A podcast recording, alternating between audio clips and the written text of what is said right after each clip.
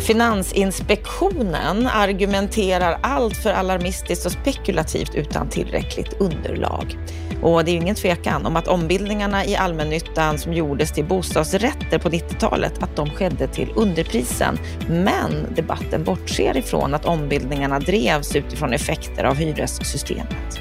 Prischocken som vi ser i byggbranschen just nu, den är problematisk och den kommer med stor sannolikhet att påverka bostadsbyggandet. Men billigare bostäder finns. De betalas dock med längre restider. Det här är mer en effekt av bostadspolitiken än av pandemin.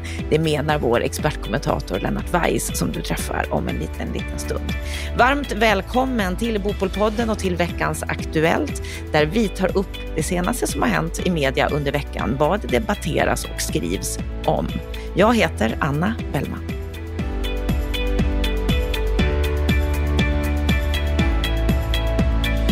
Vi börjar veckans Aktuellt med Finansinspektionens bolånekartläggning som har kommit där de menar att många hushåll är känsliga för högre ränta.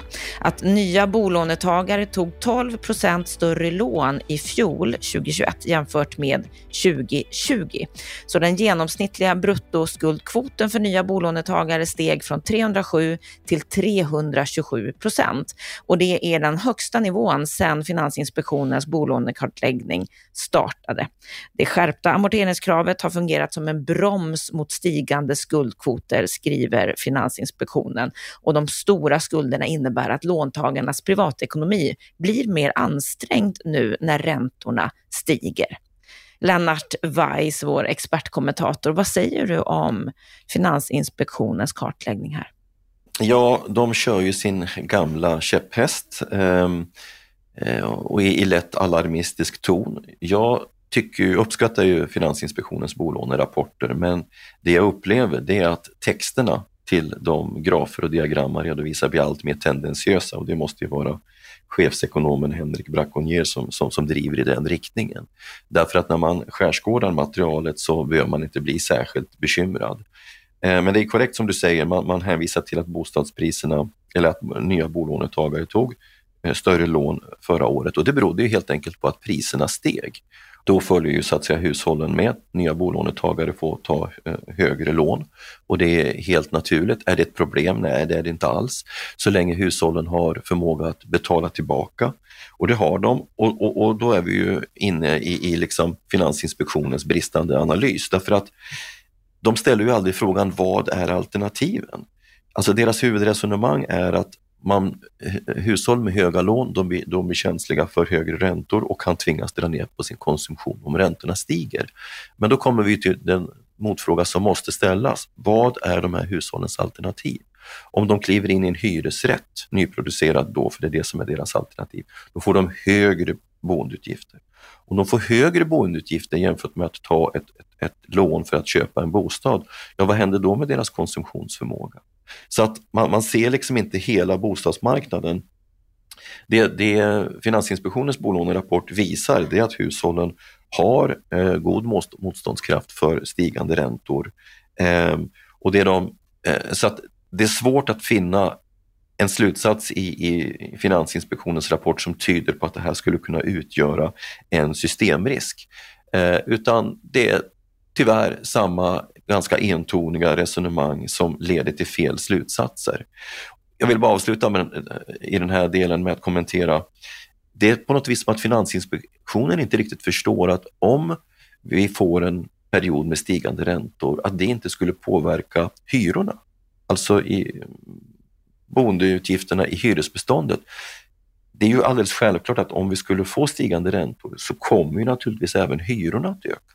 Och då kommer du få en påverkan på hushållens konsumtionsutrymme redan där. För vad är det man förhandlar om mellan fastighetsägare och hyresgästförening?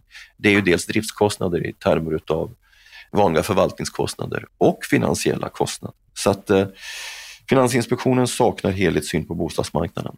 Men är det inte ändå något att fundera lite på? Vi är ju i ett läge nu när inflationen har stigit mycket. Vi vet inte riktigt hur mycket räntorna kommer att öka. Att hushållen är de som får ta smällen här. Jo då, men det, det gäller ju alla hushåll. Det gäller ju inte bara de som bor i ägda bostäder, men det är där Finansinspektionen har sitt fokus. Alltså stigande räntor, om de biter sig fast på högre nivåer så kommer det att påverka, men då kommer ju också hushållens löner att öka. Och det är det här som är så märkligt. Va? Man isolerar en företeelse, stigande räntor, och så diskuterar man det, gör simuleringar runt det. Men förstår inte att ekonomin är liksom dynamisk. Om vi får stigande räntor eh, som en följd av ökande inflation så kommer vi också få stigande löner. Och så får vi se då när, när eh, vi skapar en balans mellan de här två sakerna. Det vore ju inte bra om vi hamnade i en inflationsspiral som på 70-talet, men det är väldigt lite som talar för det. Utan de flesta tror ju ändå att vi har en tillfällig inflationschock som, som beror på att leveranskedjorna i världen inte fungerar och det där kommer att dämpas. Så att, eh, visst, på kort sikt så kommer vi få stigande räntor, men jag tror inte att vi kommer att få räntor som varaktigt är väldigt mycket högre Eh, än vad de är idag, utan jag tror de kommer falla tillbaka något igen. Sen kan jag mycket väl tänka mig att de inte kommer att eh, vara på de nivåer vi haft hittills heller, med i princip noll styrränta. Men vi kommer att ha räntor på historiskt sett mycket låga nivåer. En annan sak som vi funderar som har med det här med, med räntor att göra, hur det påverkar hushållen, det är ju också hur det påverkar bopriserna. Och här skrev Svenska Dagbladet igår att bopriserna kan sjunka med 35 procent. Vad bygger de det på? Det, jag tycker är väldigt allvarligt, mycket allvarligt, att vi har en generaldirektör på Finansinspektionen som uttalar sig så här slarvigt och att deras tjänstemän gör så slarviga simuleringar så att det blir sådana här rubriker. Vad de har gjort här, Anna, det är alltså att de har simulerat den möjliga effekten av att räntorna skulle kunna stiga till eh, 4 och sen så antar de att energipriserna stiger med 50% och då skulle de två faktorerna ihop kunna leda till ett boprisfall på 10 Ja, ganska rimligt resonemang, men återigen, som jag sa i min förra kommentar, man gör alltså inga eh, antaganden om att lönerna kommer att påverkas. Och på det sättet eh, ska säga, kompensera den, den, den, eh, effekt som eh, räntor och energipriser skulle kunna ge. Och därmed med stigande köpkraft så kommer naturligtvis bostadspriserna att stabiliseras också. Sen för de in ett resonemang som är väldigt svårt att förstå, nämligen att allmänna preferensförändringar, en förändrad syn på boendet skulle kunna göra att betalningsviljan minskar. Då är vi tillbaka till samma eh, frågeställning som i den förra kommentaren. Var ska hushållen bo då? Vad är deras alternativ? Kommer de plötsligt vilja flytta till mindre lägenheter? Vilka ska göra det? Ja, det skulle möjligen kategorin äldre personer kunna tänkas göra, men det motverkas ju av att de ju, om de flyttar till, till någonting som är mindre och nyproducerat så får de högre boendekostnader, så det är osannolikt. Barnfamiljer behöver ytor och så deras alternativ i det fallet är i så fall nyproducerade hyresrätter och de ger, jag upprepar än en gång, ger högre boendeutgifter än de bostäder de bor i idag. Så att sannolikheten för att eh, vi skulle få ett boprisfall i den här nivån är mycket, mycket, mycket osannolik. Eh, det finns dessutom ytterligare en faktor som vi ska kommentera lite senare och det är att jag tror att bostadsbyggandet kommer att minska ganska kraftigt de närmaste 12-18 månaderna. Men vi kan parkera den kommentaren en stund. Men sker det, då kommer det naturligtvis också få en dämpande effekt på ett eventuellt boprisfall på andrahandsmarknaden. För sjunker bostadsbyggandet, då kommer det också att, så att säga, hålla uppe priserna i nyproduktion. Mm. Vi återkommer till just eh, byggpriserna här. Vi ska istället gå vidare till en kartläggning som DN har gjort i veckan, där de visar att en dryg tredjedel av lägenheterna har försvunnit från allmännyttan i Stockholms stad sedan 1992. Att det är dubbelt så många lägenheter som har ombildats till bostadsrätter som de nya som har tillkommit. Dessutom har många sålts till privata fastighetsägare. Och stadens ledande politiker under 90-talet, Mats Hult och Carl Cederschiöld, de är väldigt e- oeniga om varför de här ombildningarna genomfördes. Och Mats Hult, som var tidigare finansborgarråd för Socialdemokraterna, han kommenterar i artikeln att det var egentligen förskingring. Man ståldes, sålde stadens egendom till väldigt låga priser. Och moderaten Carl Cederschiöld, som var finansborgarråd mellan 91 och 94 och 98 och 2002, han håller naturligtvis inte med om det här utan kommenterar de reavinster vi gjorde har i hög grad finansierat allmännyttans nybyggande. Det fanns en enorm övervikt av kommunalt ägda fastigheter i vissa områden. Det är bättre med blandade upplåtelseformer. Vad säger du om det här Lennart? Ja, det är en ganska komplex fråga. Jag tycker att de har rätt och fel båda två. I någon mån så kan jag faktiskt säga att jag är ett sanningsvittne i, den här, i det här sammanhanget. För jag var ju VD på Svefa under några år som var en av de aktörer som värderade de här fastigheterna som såldes, i varje fall i den senare fasen av den här processen. Och det är ingen tvekan om att man sålde till underpriser, så där delar jag ju då Mats Hults analys. Jag skulle inte kalla det för förskingring, jag skulle snarare kalla det för privatisering på ryska. Det vill säga man sålde medvetet till underpriser för att man ville då ha till stånd en förändring av bostadsmarknaden. Och det som skedde, det var att man helt enkelt eh, eh ska säga, gafflade sig fram till en prisnivå som Eh, tog utgångspunkt i fastigheternas bokade värden. Men de bokade värdena var ju långt mycket lägre än de faktiska marknadsvärdena. Och det här vet jag ju då, det här, det här var ju en diskussion bland våra värderare. De tyckte ju att det var i ögonfallande låga eh, värderingar, eh, förlåt, låga priser på det man sålde till, till eh, bostadsrättsföreningar och tyckte själva att det var utmanande. Så att eh, på det sättet har Hult rätt. Har, har Cederschiöld rätt när han säger att man använder vinsterna för att bygga? Ja, delvis, men det är ju en effekt av hyrespolitiken. Det är ju inget problem för ett företag som har eh, fastigheter till lågt boga, bo, bokade värden. Jag menar, de, har ju, de har ju enorma övervärden i det avseendet när de ska gå till banken för att eh, finansiera nyproduktion eller till, till Kommuninvest i flertalet fall. Det som ju blir problemet är att om hyrorna är konstlat lågt satta, då urholkas ju företagets egna kapital på sikt och, och då tvingas de att sälja. Så att storstadskommuner med attraktiva bestånd eh, har inte haft det motivet som Cederschiöld beskriver, så där har han fel. Men man kan ju också vända den här frågan till Hyresgästföreningen därför att det är ju inte bara allmännyttan som sålde eh, väldigt många bostäder, också privata fastighetsägare sålde ju väldigt mycket till bostadsrättsföreningar. Och varför då? Jo, av det här skälet. Att det var ett väldigt stort glapp mellan fastigheternas värde som hyresfastigheter med det bruksvärdesystem vi har jämfört med de värden man kunde få ut om man sålde till bostadsrättsföreningarna.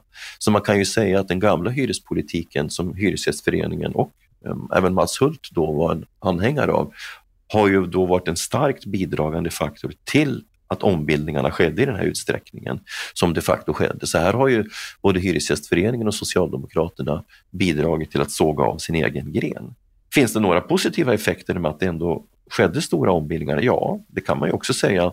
Där kan man ju delvis då hålla med eh, Cederschiöld genom att hushållen då fick möjlighet att köpa bostäder till till undervärderade priser så fick ju hushållen en köpkraft och den köpkraften har ju sedan transporterats ut i bostadsmarknaden genom att folk helt enkelt har bytt lägenheter, de har fått köpkraft och det har gett en styrka i hela den ägda boendesektorn. Så att man kan argumentera från olika perspektiv. Den viktiga frågan berörs i periferin här. Hur ska våra samhällen se ut? För jag håller ju med Cederschiöld och det tror jag Mats Hult tycker också, att det är bra med bostadsområden med blandade upplåtelseformer. Och där har liksom politiken har inte styrts med den utgångspunkten, vilket är synd. Vi har fått en övervikt av ägda bostäder i innerstan och en övervikt av hyrda bostäder i ytterstan. Det är inte bra utifrån ett segregationsperspektiv. Nej, och vi behöver ju fler bostäder, det behöver byggas mer, men hur kommer det att kunna fungera framöver när vi nu ser en prischock i byggbranschen? Svenska Dagbladet hade en artikel här i veckan som hade just rubriken om att höga priser på trä och järn och vitvaror som knappt kommer fram. Byggbranschen var redan pressad när kriget i Ukraina bröt ut och det är anmärkningsvärda kostnadsökningar menar bland annat då Jonas Erkenborn på HSB Bostad som är VD där. Och det senaste året så har byggbranschen fått se skenande priser på både trävaror och stål på grund av pandemin. Hur allvarligt är det här? Det är mycket allvarligt och det kommer att få konsekvenser för bostadsbyggandet. Jag kan säga att leveranstiderna idag på ett kök är ungefär sex månader. Det är, det är vi som har långa eh, avtal med leverantörerna och är så att säga eh, prioriterade kunder som har möjlighet att få fram kök snabbare. Men, men mindre aktörer kommer att drabbas av stora problem. Och Det kommer ju göra att det blir ju en, en, en, jakt på att få fram varor och produkter så att man kan leverera bostäder i tid. Så att den här prisinflationen kommer att fortsätta. Det både Erkeborn och sen Johan Deremark på byggföretagen säger, det är ju samma sak som jag sa då i Affärsvärlden i en krönika för en dryg vecka sedan. Vi kommer att få en fortsatt kostnadschock och det beror ju på att de här pandemieffekterna som vi då trodde var på väg att lägga sig har ju kommit igen till följd av två faktorer. Dels Ukraina-krisen, eh, kriget, därför att det, det är mycket mer insatsvaror som har importerats ifrån Ukraina än vad vi har trott och förstått i Sverige. Om du bara tar en, så, en sån sak som lera till våra kakelplattor har till 90 procent kommit från Ukraina. Nu får det styras om till andra marknader med stigande priser som följd. Och, och, och du har cement och andra insatsvaror, också stål. Men sen har du Kina, därför att eh, den här paniska skräcken som ju verkar bita sig fast i Kina, den här nolltoleranspolitiken mot corona, gör ju att de stänger ner samhällena. Jag såg en kartbild på CNN häromkvällen om hur många fartyg som sitter fast i Shanghais hamn och det är alltså flera hundra. Och det här påverkar ju liksom de globala leveranskedjorna och gör att de här problemen vi hade under corona biter sig fast längre. Så att vi kommer att se väldigt höga kostnader Eh, som, som eh, fortsätter att transportera sig först till oss byggare då i form av stigande eh, priser på insatsvaror och då måste man ta ut dem mot bostadsbyggarna. Eh, och, och, och, där kan jag ju säga att där, där förs det förhandlingar varje dag då utifrån kontraktens force majeure-klausuler. Och det betyder ju att, eh, och, och med tanke på hur inflation och räntor nu utvecklas just nu så kommer ju inte bostadsbyggarna att kunna transportera ut det till slutkund. Så att någonstans måste det bli en konsekvens och konsekvensen kommer att bli att bostadsbyggandet kommer att minska. Så där förstår inte jag Torborg, för att ta en annan fråga, hur Torborg kan tro att bostadsbyggandet kommer att fortsätta att ligga på höga nivåer. De spår en avmattning men ändå att bostadsbyggandet i termer av påbörjade bostäder ska ligga vid 60 000. tror jag inte ett dugg på, utan jag tror det här kommer falla till mellan 40 och 45 000 i bästa fall. Så jag är mycket bekymrad. Och det du hänvisar till här med Tornborg, det är ju att Byggfakta har ehm, kommit med en ny byggstartsindikator. Och där säger de att byggstarten av nyproduktionsprojekt ökade under mars, men endast med 8 procent, vilket är den lägsta årliga ökningstakten sedan sommaren 2020. Mm. Ja, eh, de tittar tillbaka eh, och, har inte de här eh, kostnadsökningarna inom byggindustrin på sin radar, vilket jag tycker är en stor svaghet i deras analyser. Ehm, det fungerar kanske just nu som någon form av ehm, balsam för det politiska systemet, men tyvärr så blir de missledda av informationen. Jag kan säga att vi som också är aktiva inom infrastrukturområdet. Vi har ju förhandlingar idag med Trafikverket där det helt enkelt måste till kompensation för prisökningar. Om vi tar till exempel transporter, priserna på diesel skenar så att eh, om man helt enkelt ska få fram transporten utav varor så måste man kompensera för dieselprisökningar, annars så slutar transportföretagen att leverera. Så att det, är en, det, är en, det är en situation här som det här kommer att hamna på, på tidningarnas och medias löpsedlar inom kort därför att eh, byggindustrin riskerar att få väldigt, väldigt stora problem. Och det Johan Deremar, som du hänvisade till här då, ekonom på byggföretagen, sa i artikeln, det var ju att normala kostnadsökningar är 3-4 procent per år, men nu stiger det med 50-60 procent på bara några månader och ingenting tyder på att det kommer att vika neråt.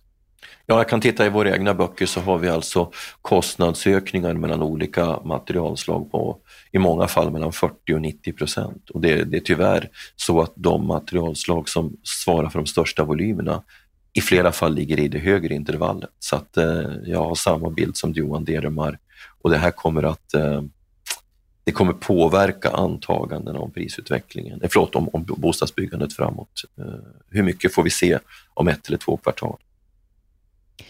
Vi ska avsluta vårt program här ifrån Bopolpodden, Veckans Aktuellt, med en artikel ifrån Dagens Nyheter att billigare bostäder finns även i storstadsregionerna för den som är beredd att betala med långa pendlingstider. Att det är fler som flyttar ut ifrån våra stora städer Stockholm, Göteborg än som flyttar in. Att den trenden har förstärkts av pandemin. Vad säger du om det här Lennart? Ja, det är ju inget överraskande egentligen, utan det här är en trend som vi har haft i 6, 7, 8 år. Vi har fångat dem i Veidekkes marknadsanalyser. Och det, och, och, och det vi då, mönstret som vi har sett där, det är ju att eh, Kreditrestriktionerna har helt enkelt gjort det svårt för barnfamiljer att etablera sig i mer centrala lägen med kortare restider. Och sen har vi haft en bostadspolitik som har prioriterat små lägenheter, det vill säga små hyresrättslägenheter och det funkar under en tid. Eh, så länge vi liksom ska möta den efterfrågan som, som utgörs av singlar och unga par som ännu inte har bildat familj och skaffat barn.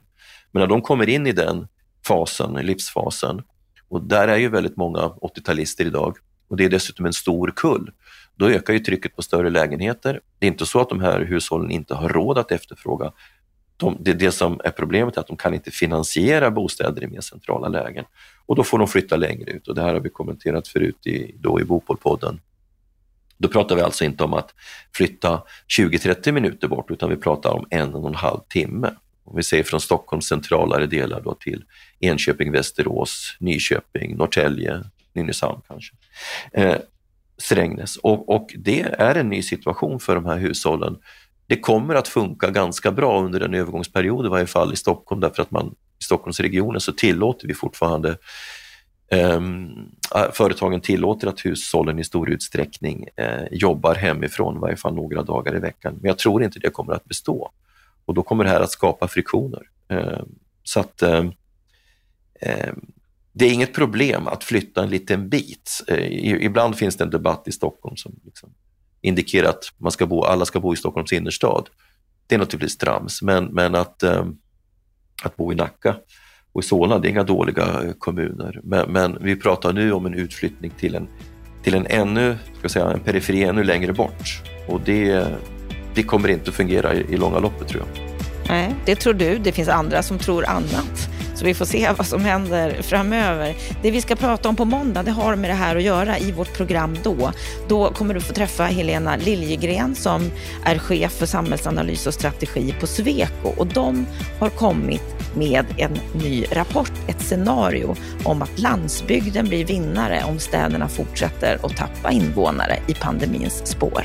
Det är klart att om storstäderna bara blir större och större och de mindre städerna blir mindre och mindre så får du en maktobalans. Men kan man minska den klyftan så, så blir det ju lättare att, eh, då blir det mer utbalanserat. Sen ser vi ju också att orter som Skellefteå och vi kommer få med Borlänge framöver med de här stora batterifabrikerna som etableras och som skapar ett inflöde av både Eh, kompetens och invånare eh, på orter som vi inte har sett en tillväxt i tidigare så får du också en dragning åt andra bort från de traditionella storstäderna.